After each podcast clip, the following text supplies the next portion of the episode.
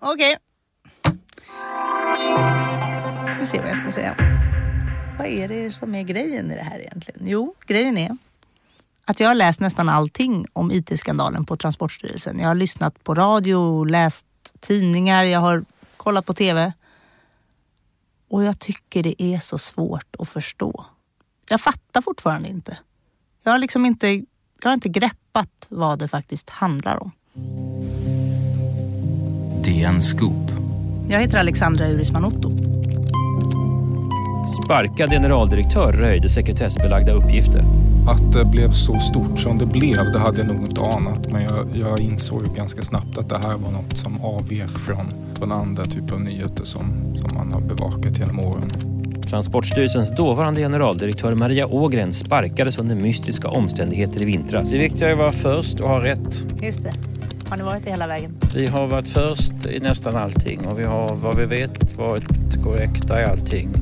Dagens Nyheter kan nu avslöja att hon i hemlighet har utretts för att ha röjt sekretessbelagda uppgifter som kan ha hotat rikets säkerhet.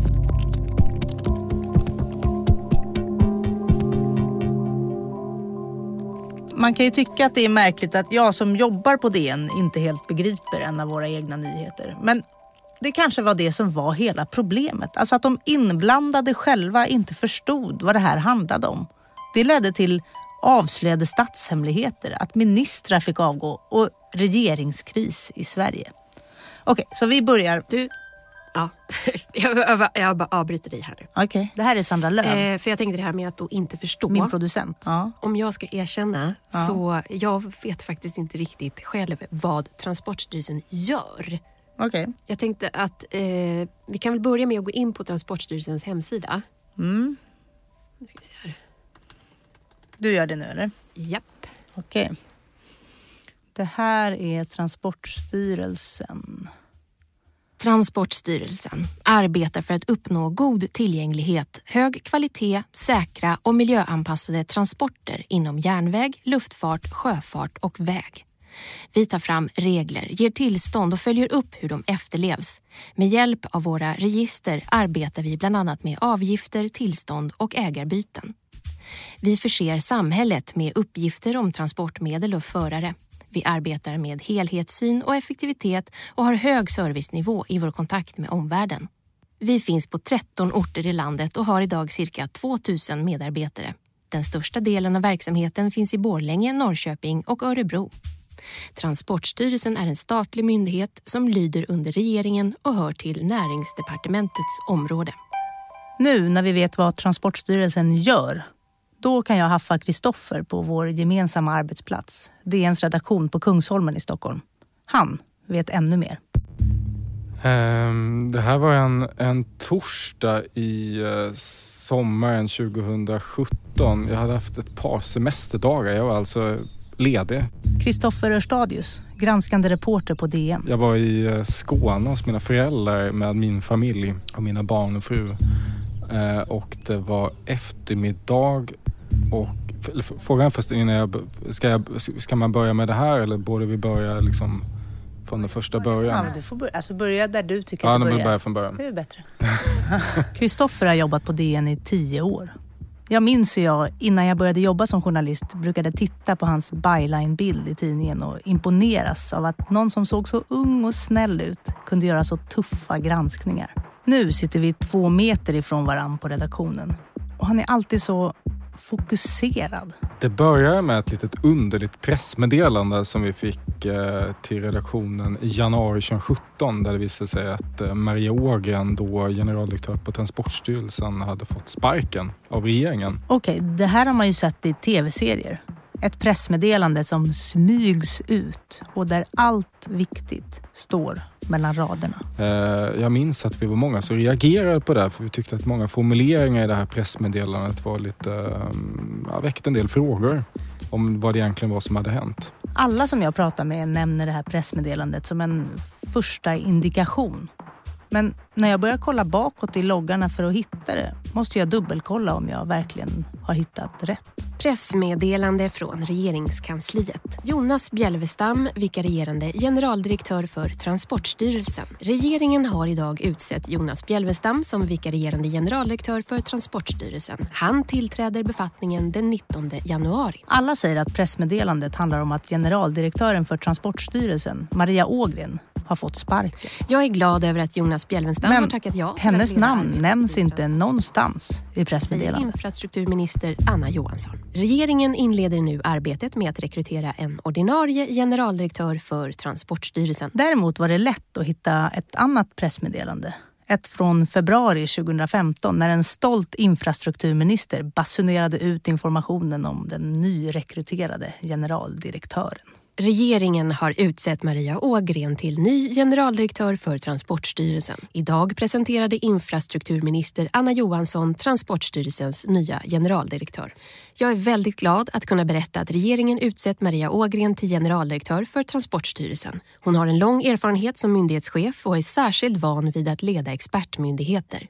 Maria Ågrens kompetens, erfarenhet och engagemang är viktigt för myndighetens framtida utveckling. Avgående generaldirektör Staffan Widlert har gjort ett bra arbete för att få ihop de fyra trafikslagen i en myndighet, vilket lett till effektivisering, synergier och lärande mellan trafikslagen. Något som Maria Ågren nu kommer att ta vidare. En viktig uppgift för Maria Ågren blir att fortsätta arbetet med regelefterlevnad som ska säkerställa trafiksäkerhet och schyssta villkor i transportbranschen, säger Anna Johansson. Men tillbaka till DNs reporter Kristoffer Erstadius som läser pressmeddelandet i januari 2017 och börjar fundera. Jag minns att jag tyckte att det var lite underligt. Eh, Jag minns att Maria Ågren var en, en chef som var ganska uppskattad, prisad. Eh, Så jag förstod inte riktigt vad det var. Jag förstod heller inte riktigt vad det var på Transportstyrelsen som skulle kunna vara så känsligt. På redaktionen sitter Kristoffers kollega, reportern Mikael Holmström. Jag fick ju tips om att generaldirektören hade fått sparken och att det fanns, eh, att det rörde rikets säkerhet. Vad är det som har hänt? Varför har generaldirektören fått sparken? Och då försökte vi eh, få grepp om det här. Kunde det stämma? Källan hintar något om rikets säkerhet. Men hur Mikael, Kristoffer och andra reportrar på DN än försöker ta reda på vad det är som har hänt så är det locket på. Men det blev ju då en notis på 19 rader i alla fall. Eh, Jag och Claes Svahn eh, skrev den ihop. Vill du läsa vad det var du skrev? Regeringen avskedar generaldirektören för Transportstyrelsen Maria Ågren. Som skäl anges olika syn på hur arbetet ska bedrivas. Det här är Claes Svan. Han är webbreporter på DN. En riktig murvel. Orsaken till byte på posten är enligt infrastrukturminister Anna Johanssons statssekreterare Mattias Landgren att regeringen och Maria Ågren inte haft samma syn på hur arbetet inom Transportstyrelsen ska bedrivas. När han känner på sig att någon inte säger allt, då är det nog så också. Jag ringde ju flera i styrelsen och de flesta vill inte säga någonting alls. Och Mattias Landgren, då, statssekreterarens uttalande, fick vi ju då skriftligt till slut. Alltså för att han, eh, han ville inte uttala sig eh, på telefon rakt av. Så att det var ju lite sådär man kände att det var någon het potatis. Någonting som inte riktigt vi kunde se riktigt botten på i det läget. Och tanken med det var, med de här 19 raderna, det var ju att, att vi skulle, någon skulle höra av sig. Att vi skulle få reda på mer. Eh, men det, var ingen som hörde av sig. Vi, vi kom inte längre. Vi hittade liksom ingenting i Maria Ågrens bakgrund som tydde på att hon skulle kunna vara offer för främmande makt eller något sånt.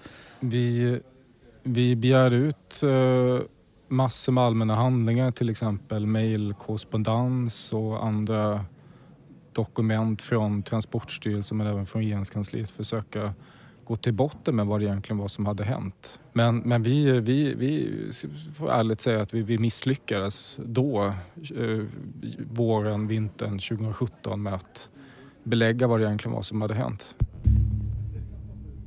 Men ett halvår senare, i juli 2017, tillbaka hos Kristoffer Erstadius som har semester.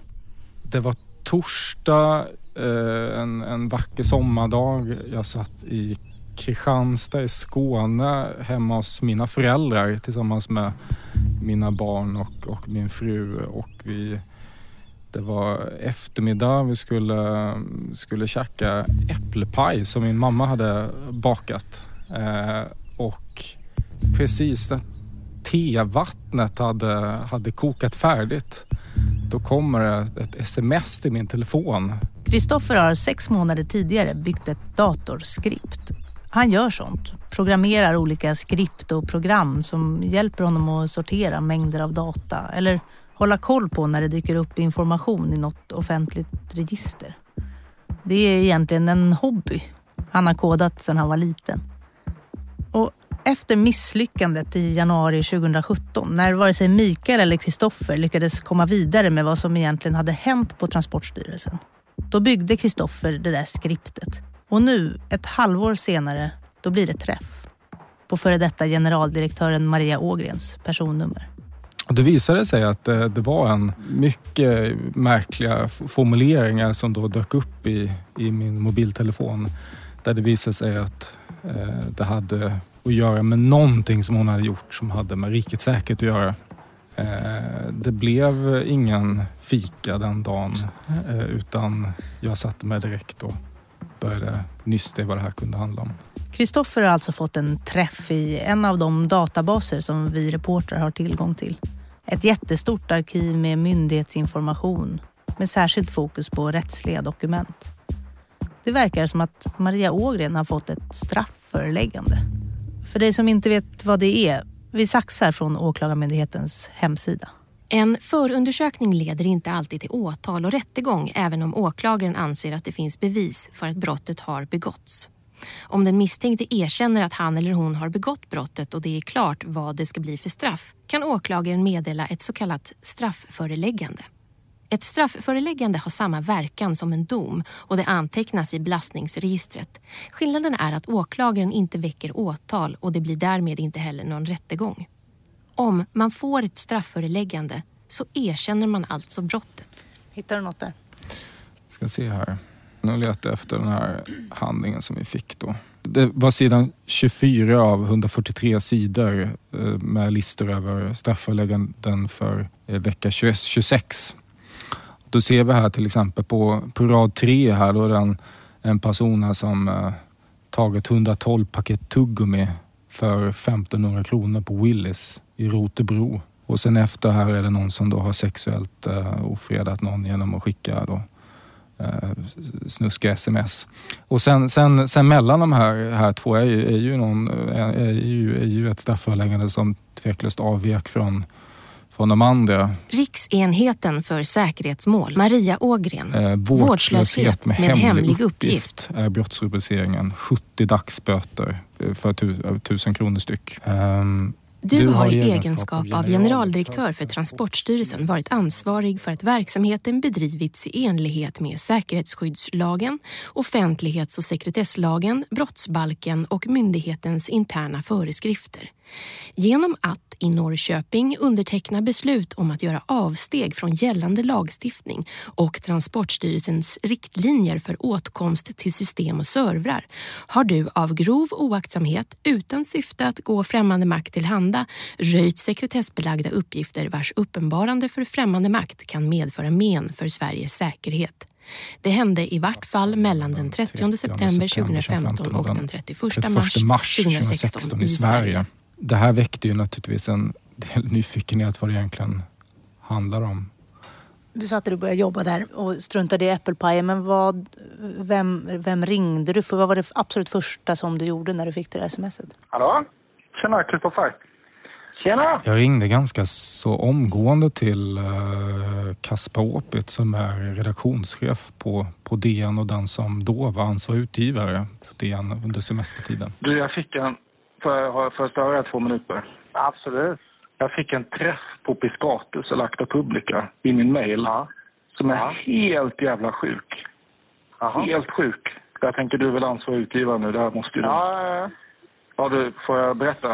Eh, och berätta vad jag har hittat eh, och eh, rådfrågan honom om hur vi ska hantera situationen, om vi ska, hur vi ska göra med namnpublicering och och eh, hur vi ska, ska, ska skriva artikeln. Kom du ihåg Transportstyrelsens dåvarande generaldirektör som fick sparken helt plötsligt? Jättekonstigt. Hon bara, hon bara försvann. Ja, när var detta? För ett halvår sedan ungefär. Ja. Nu kom en träff i eh, Akta Publica. Eh, där Ja. hon fått strafföreläggande. 70 Okej. dagsböter. För? För vårdslöshet med hemlig uppgift. Vi fick klartecken från att publicera hennes namn och så. Ehm, Det hände i vart fall mellan den 30 september 2015 och 31 mars Men vad är det för något? Det är bara att köra. Det är bara att köra. Jag ringde också till Transportstyrelsens pressekreterare eh, för att eh, försöka söka eh, Maria Ågren. Hallå, Kristoffer Stadus här på DN. Ah. Kan jag... Hallå? Hallå? Hallå, hör du mig? Eh, Ja, jag hör dig. Ja, jag jag svarade med handsfree. Jag hade ju inte hennes nummer och kunde inte hitta hennes nummer vid snabb googling. eh, Det ja, gäller någon sån här körkortstjofräs så är det väl han nej, det gäller en myndighetsövergripande fråga eh, egentligen. Men kan jag ta ärendet med ja, dig men- så kan ja, du kan ju. Shoot. Ja. Så här, jag skulle behöva svar på, eh, på före detta eh, GDn på Transportstyrelsen, Ågren, kring en viktig Nej. fråga.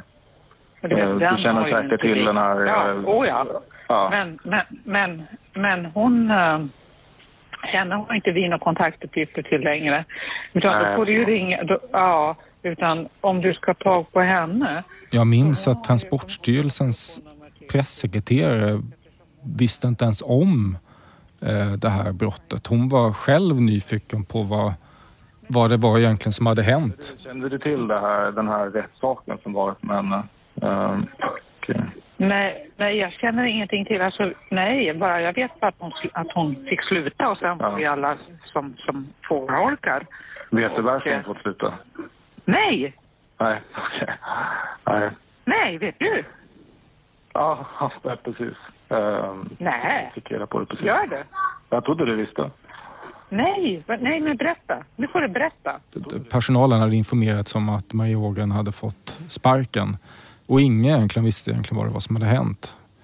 Så det här var ju en nyhet även för, för dem som ändå har hand om kommunikationen på myndigheten. Nej, men det, nej, men det, hon, eh, hon, eh, hon har utretts av Säpo för att misstänkt, eh, vad jag förstår, då, ha röjt sekretessbelagda uppgifter från Transportstyrelsens system. Åh herregud. Åh herregud, är det verkligen sant? Det låter ju helt orimligt. Det låter som... Oj, Ja. ja, ja, där ser man. Ja, ja men, och det här kommer stå i tidningen imorgon då? Ja, I efterhand visade det sig att det till och med var få personer på, på regeringskansliet och många andra myndigheter som... Det var väldigt få som kände till det här. Och när man sätter en tidslinje och, och, och, och, försöker granska det här djupare så blir det ju alldeles uppenbart att det här var nog en, en händelse som aldrig skulle ha kommit allmänheten till kännedom enligt de som hade informationen.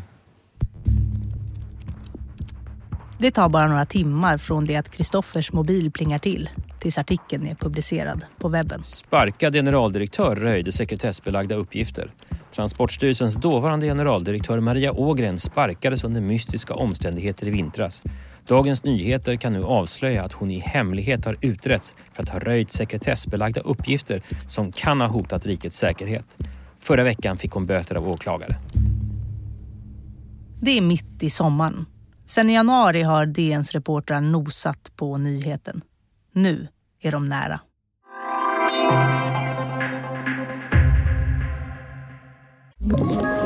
Ett poddtips från Podplay. I podden Något Kaiko garanterar östgötarna Brutti och jag, Davva, dig en stor dos skratt. Där följer jag pladask för köttätandet igen. Man är lite som en jävla vampyr. Man har fått lite blodsmak och då måste man ha mer. Udda spaningar, fängslande anekdoter och en och annan arg rant. Jag måste ha mitt kaffe på morgonen för annars är jag ingen trevlig människa. Då är du ingen trevlig människa, punkt. Något Kaiko, hör du på Podplay. Därför är gardinerna. DN Scoop. Jag heter Alexandra Urisman Otto. DNs grävande reporter Kristoffer Stadius har gjort ett scoop. Mitt i sommaren. Det dataskript som han programmerade i januari 2017 har nu plingat till i hans telefon. Förra generaldirektören för Transportstyrelsen Maria Ågren har dykt upp i en databas som Kristoffers skript regelbundet söker igenom. Och eftersom Kristoffer har semester så ringer chefen nu upp Mikael Holmström. Han är säkerhetspolitisk reporter på DN och är hemma och vilar upp sig efter en hektisk jobbvecka i Almedalen. Martin Jönsson, en av våra redaktionschefer, ringde ju då eh, mig. Så att jag hade jobbat eh, nästan dygnet runt i Almedalen för jag skulle ta fram olika nyheter. Så jag hade kommit hem då och, och tog en liten siesta på eftermiddagen och då, då ringde han och började prata om, om Ågren och Transportstyrelsen. Han väckte och, dig? Ja, han väckte mig. Och då fick jag ju rekapitulera då och säga att vi hade ju de här uppgifterna om att det gällde rikets säkerhet redan i januari. Mm. Och, och bekräfta, alltså säga det till honom att, att det här var en, att det här var en, en stor historia.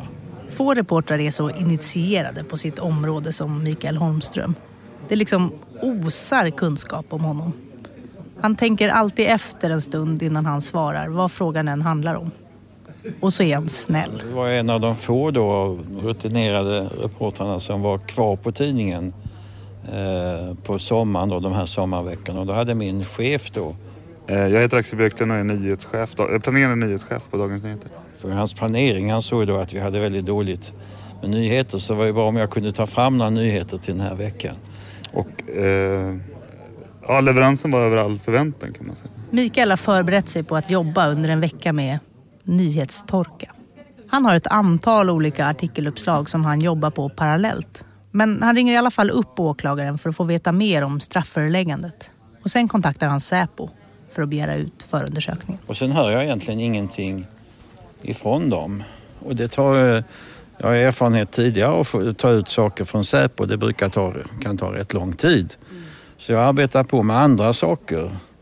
Och eh, så går jag till postfacket och så tittar jag på dagens post och där ligger det en avi. Mikael går tillbaka till skrivbordet och fortsätter jobba. Men så slänger han en blick på den där avin och ser att han har ett rekommenderat brev som ska hämtas ut på postkontoret på Klarabergsviadukten. Och eh, då ringer larmklockan därför posten på Klarabergsgatan, det vet jag sedan tidigare, att det är dit Säpo skickar handlingar som de lämnar ut. Så jag, tar, jag avslutar jag har på jobbet, åker dit och hämtar ut det här kuvertet och det är då, de här handlingarna är då i ett särskilt sorts kuvert, en plastpåse med svarta insidor. Ganska besvärlig att slita upp då. Och det är Säg tjockt, slita upp. Ja, jag sliter upp det för det måste man. Är ett eh, kuvert i plast, ganska, ganska tjock plast. Och vitt på utsidan och eh, svart på insidan för att man ska kunna se något igenom. Ja, jag sliter upp det där kuvertet direkt där på, när jag hämtat ut det på posten. Jag står inne på posten och så tittar jag, det är nästan 200, över 200 sidor. Och så ser jag att det är en hel del mycket svarta partier som är hemliga men också väldigt mycket som är öppet. Och jag inser att, att här står jag alltså med, med nyckeln till vad det egentligen som har hänt. Och, eh, det visste ni inte riktigt. det, nej, det var, inte, det var ju väldigt oklart. Det, ingen egentligen visste det här. Eh, och då eh, tar jag det här, eh, stoppar ner det i väskan och så går jag ner på pendeltåget. Jag bor i Sollentuna och så tack och lov, det är på mitt i sommaren så det är inte så mycket folk så jag hittar en hörna där jag kan läsa de här papperna utan att någon annan kan se vad jag läser På tåget? på tåget.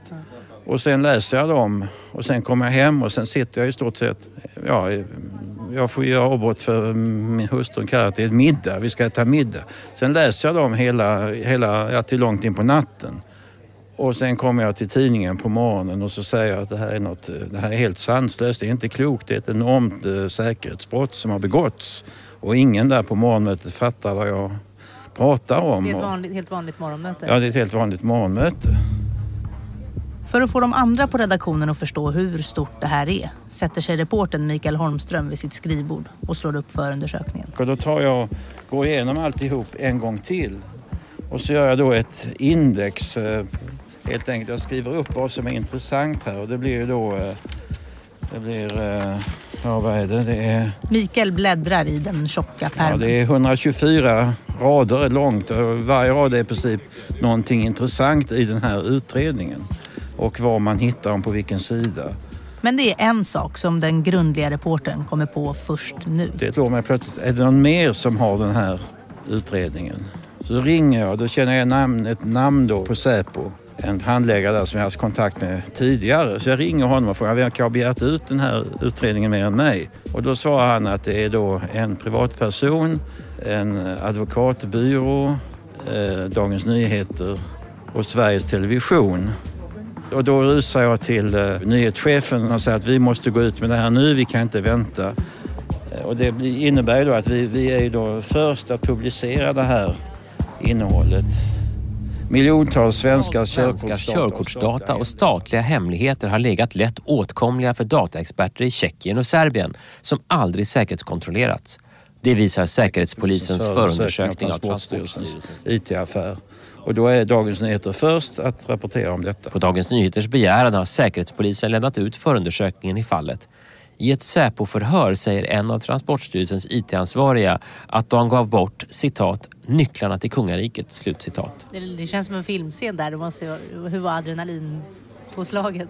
Ja, det var ju högt, men det gällde ju också att, eh, gällde också att få någon att kommentera det här. Och Då, eh, då, då, då hade jag sån tur så jag fick en, en, en, en säkerhetsexpert eh, att komma till redaktionen. Då visade jag materialet och då gick vi snabbt igenom det. Och då, han, han, han, han gjorde den samma bedömning som vi hade gjort, att det här var, eller jag hade gjort, att det var väldigt allvarligt eh, det som hade skett. Det är häpnadsväckande att se bristen på säkerhetsanalys och hur IT-säkerheten har viftats undan, säger säkerhetskonsulten Johan Victorin till Dagens Nyheter. Och det stärkte ju hela historien. Och sen var ju det huvudnyhet i svenska medier det kommande dygnet. Säpos förhör med dussinet tjänstemän vid Transportstyrelsen visar hur säkerheten sattes ur spel. Det skedde när Transportstyrelsens datadrift skulle tas över av dataföretaget IBM för att spara pengar. Och SVT då, som också hade begärt ut förundersökningen.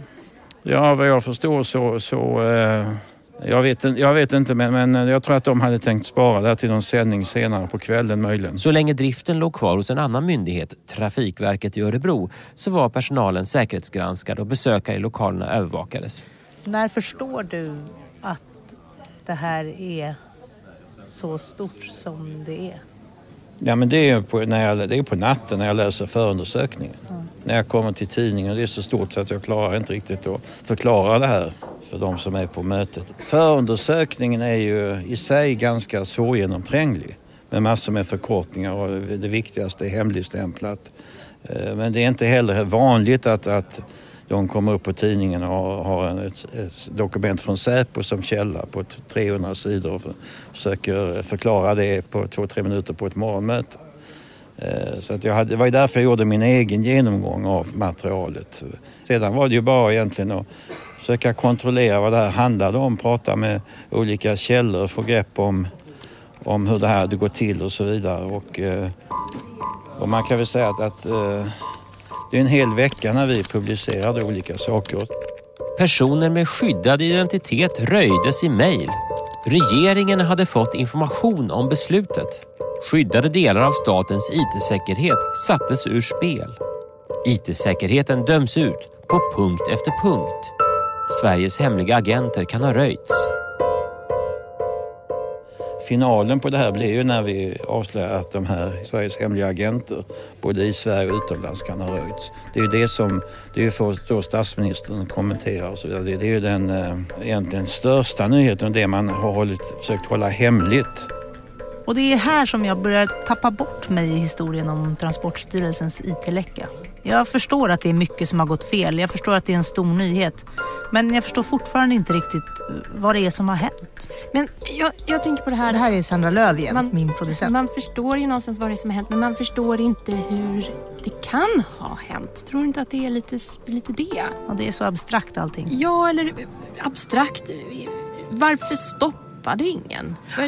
Det är bara, det är det man inte förstår. Ja, alltså som, eh, som där som Mikael Holmström berättar om. Det som hände i Örebro sommaren 2015. När Transportstyrelsens datadrift skulle börja lämnas över precis då till IBM och de här utländska konsulterna. Det som gjorde att Säpo blev inkopplat var ju att, eh, att de som hade hand om de här på Trafikverket i Örebro, de som hade hand om datadriften, de reagerade ju när det kom in serber och tjecker och surokrater eh, i deras skyddade lokaler dit bara svenska medborgare som var säkerhetskontrollerade eh, fick komma in. De kom in liksom klampandes. Ja, ja, de ville ha reda på hur de arbetade. skulle, och de- och de fick då direktiv då från ledningen, men vad är det här? Ja, men då fick de ju direktiv, men de ska få reda på allt. Jag skulle ju själv aldrig släppa in främmande personer i mitt hem till exempel. I barnens rum. Varsågoda. Varsågoda. Kom in. De ligger och sover men gå in och gulla lite. Precis. Ni kan ju städa efter det. Ja. Vill ni komma in och sitta här lite och titta på mina barn? Vi har aldrig träffats. Eh, och det var ju då flera personer eh, kontaktade Säkerhetspolisen. Mm. Det var inte bara den här datasäkerhetschefen på Transportstyrelsen utan det var ju flera som, som kontaktade Säpo då och sa vad är det här? Eh, Och de insåg ju riskerna. Eh, Och som någon, någon säger att man gav bort nycklarna till kungariket. Det är inte bara jag som funderar över det obegripliga i det här. Reportern Kristoffer Stadius som har lagt månader av jobb på att undersöka IT-läcken. Jag har tänkt på det själv. Det är ju, det är ju, det är ju jättekonstigt att det här, det här skedde. Eh, Jag minns att Maria Åger, när jag, när jag träffade henne eh, några månader efter publiceringarna, att hon, hon menade på att det hemliga var för hemligt. Att det var så få personer som visste om att det var hemligt. Vilket i sin tur fick konsekvensen att man inte riktigt hanterade på rätt sätt. Eh, hon menade till exempel på att hon inte ens själv visste liksom hur hemligt det här var. Trots att hon var generaldirektör. Så det är ju många som har reagerat internt. Ja, det, är, det är inte många men det är nyckelpersoner som reagerar och det är det som är det intressanta. Det är ju de som vet någonting om säkerhetsskydd som, som reagerar. Men, men många av de här nytillsatta cheferna på Transportstyrelsen, några av dem, de hade ju noll kunskap om säkerhetsskydd. Det framgår också av eh, förundersökningen. Vilket också är märkligt. Det låter ju inte bara märkligt utan liksom helt galet. Ja, man skulle spara pengar och ta in folk från näringslivet för det skulle gå undan och det skulle gå fort. Och, eh, ja, eh, och det här med säkerhet det uppfattas ju ofta som eh, besvärligt och krångligt. Vad är det här säkerhetsskyddet? Är det någon, är det någon kurs man går? Nej, säkerhetsskydd innebär ju att man kontrollerar de, den personal som arbetar. Det innebär att man har lokaler där bara vissa kontrollerade har tillträde, lås och kort och annat. Och man har behörighet till systemen så bara vissa som har gått igenom utbildning hos Försvarsmakten får gå in i systemen och, och, eh, och, eh, och få tillgång till dem. Men allt detta struntar man ju i. Det är liksom ingen litet, inget litet avsteg. Det, det... Nej, det är ju oerhört allvarligt. Generaldirektör Maria Ågren har alltså beslutat att Transportstyrelsens IT-system ska outsourcas. Det handlar om enorma register som tidigare styrdes av säkerhetskollade svenska medborgare. Registren lämnades över till utländsk personal som Säpo inte hade kollat upp. Maria Ågren har medvetet brutit mot flera lagar. Men du, Alexandra. Du sa ju att du inte riktigt hade greppat den här historien trots att du hade läst redan innan och nu har vi liksom gått igenom den. Ja. Fattar du nu? Jag fattar vad det var som hände men vi har ju fortfarande inte alls berört det som hände sen. Nej. Alltså det, det blev ju sådana jätteeffekter av det här sen. Det hände ju så himla mycket. Eh, Vi var ju inne och, och nosade på det i början men, men, eh, men det blev ju liksom, det blev ju regeringskris. Men vi skulle kunna ta det i ett eget avsnitt. Ja, ja, det låter bra tycker jag. Jag tänkte vi kanske skulle kunna, bara för att summera det här avsnittet och känna oss lite färdiga för nu. Vi har ju, det finns ju en tidslinje liksom för allt det som vi har berättat idag. Vi skulle kanske kunna gå igenom den. Vi summerar. Mars 2015. Maria Ågren börjar sitt nya jobb som generaldirektör. April 2015. IBM får ett kontrakt på 800 miljoner kronor för att ta över Transportstyrelsens IT-drift. Den ska förläggas till underleverantörer i utlandet. Maj 2015. Generaldirektör Maria Ågren beslutar att göra avsteg från lagens krav på säkerhetskontroll av den utländska personalen för att snabba på processen. Får jag bara säga där, det där är ju precis, hon har ju precis börjat jobbet där. Jag tror att när de skrev på kontraktet, de måste ju bara ha jobbat i fem sex veckor. Ja.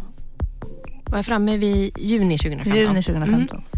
Juni 2015. Säkerhetspolisen får tillgång till dokumentation som tydligt visar att avsteg hade gjorts från gällande lagstiftning men informerar inte regeringen. Sommaren 2015. Flera medarbetare på Transportstyrelsen reagerar och protesterar mot lagbrottet. Men inget händer där. De protesterar, men det fortsätter. Ja, och det blir ju bara egentligen konstigare. September 2015. Säkerhetspolisen informerar justitiedepartementet om ärendet. All information om mötet hålls än idag hemlig av Säpo och regeringskansliet. Alltså idag. Fortfarande nu. Nu, ja. Spännande. 1 november 2015. IBM tar över IT-driften. 25 november 2015. Säpo rekommenderar omedelbart stopp för outsourcingen. 26 januari 2016. Åklagare inleder förundersökning om vårdslöshet med hemlig uppgift. Januari 2016. Inrikesminister Anders Ygeman informeras om ärendet. Kan jag få fråga en sak? Mm. 25 november 2015 så rekommenderar Säpo omedelbart stopp för outsourcingen. Mm. Blir det ett omedelbart stopp för outsourcingen? Kristoffer eh, gjorde en intervju med Maria Ågren. Ja. Och I den berättar hon att hon, de började faktiskt, hon började se sig om efter um, att backa eller att så att säga kontrollera, kontrollera uh, det hela. Men vi vet inte riktigt vad som hände med driften. Alltså IBM har väl driften idag? Mm. Då är jag framme vid mars 2016. Ja. Försvarsminister Peter Hultqvist informeras om säkerhetsbristerna. Våren 2016. Infrastrukturminister Anna Johanssons statssekreterare Erik Bromander informeras flera gånger men för inte informationen vidare. Och det är den ministern som ju är ansvarig för Transportstyrelsen? Ja. Januari 2017. Statsminister Stefan Löfven och infrastrukturminister Anna Johansson som ansvarar för myndigheten får vetskap om problemen. Och det var ju också i januari 2017 som Maria Ågren fick gå. Just det. 6 juli 2017. DN avslöjar att Ågren erkänt och fått straffföreläggande på 70 dagsböter på 1000 kronor för grov oaktsamhet genom att röja sekretessbelagda uppgifter den 30 september 2015 till den 31 mars 2016. Det är under den tiden som hon har, de säger att hon har begått brottet. Någon gång under den tiden. Ja, det var väl då registren har varit öppna. Mhm, okej. Okay. Det är rätt lång tid. Eh, den dryga senaste veckan har ju dominerats av nyheter om I nästa avsnitt. de flagranta bristerna vid Transportstyrelsens upphandling och av DN Scoop. outsourcing av myndighetens IT-miljö. Och direkt efter publiceringen, vad hände med semestern? Jag fortsatte, jag fortsatte faktiskt semestern utan det var, det var det var Mikael Holmström, min kollega, som tog över där efter att jag skrev den här första artikeln. Eh, och sen så gick han på semester och då tog, tog sen jag över helt enkelt. Då. Hur gick det att vara ledig då? Jag är väldigt mån om att när mina barn är vakna då, då ska jag inte jobba. Eh, det kanske jag kan göra på kvällar så när de sover men, men just, när, just när jag är med barnen, då är jag med barnen. Då är jag inte, då är jag inte på jobbet. Men jag minns att när jag var på lek, en lekplats på Södermalm i Stockholm och jag fick reda på att Stefan Löfven hade en presskonferens. Då var jag bara tvungen att ta upp eh, en, en så här hörlurar och bara lyssna på vad jag egentligen skulle säga. Medan jag höll på att gunga. Köpte en mjukglass till barnen också. Det tar ju lite tid att äta när man är litet barn. DN Scoop. Jag heter Alexandra Urisman Otto. Du har också hört reportrarna Kristoffer Stadius, Mikael Holmström, Claes Svan och nyhetschefen Axel Björklund. Producerade och klippte gjorde Sandra Löv. Musik och slutmix av Beppo. Exekutiv producent Augustin Erba. Ansvarig utgivare Peter Wolodarski. Ett poddtips från Podplay. I fallen jag aldrig glömmer djupdyker Hasse Aro i arbetet bakom några av Sveriges mest uppseendeväckande brottsutredningar går vi in med hemlig telefonavlyssning och, och då upplever vi att vi får en total förändring av hans beteende. Vad är det som händer nu? Vem är det som läcker? Och så säger han att jag är kriminell, jag har varit kriminell i hela mitt liv men att mörda ett barn, där går min gräns. Nya säsongen av Fallen jag aldrig glömmer på Podplay.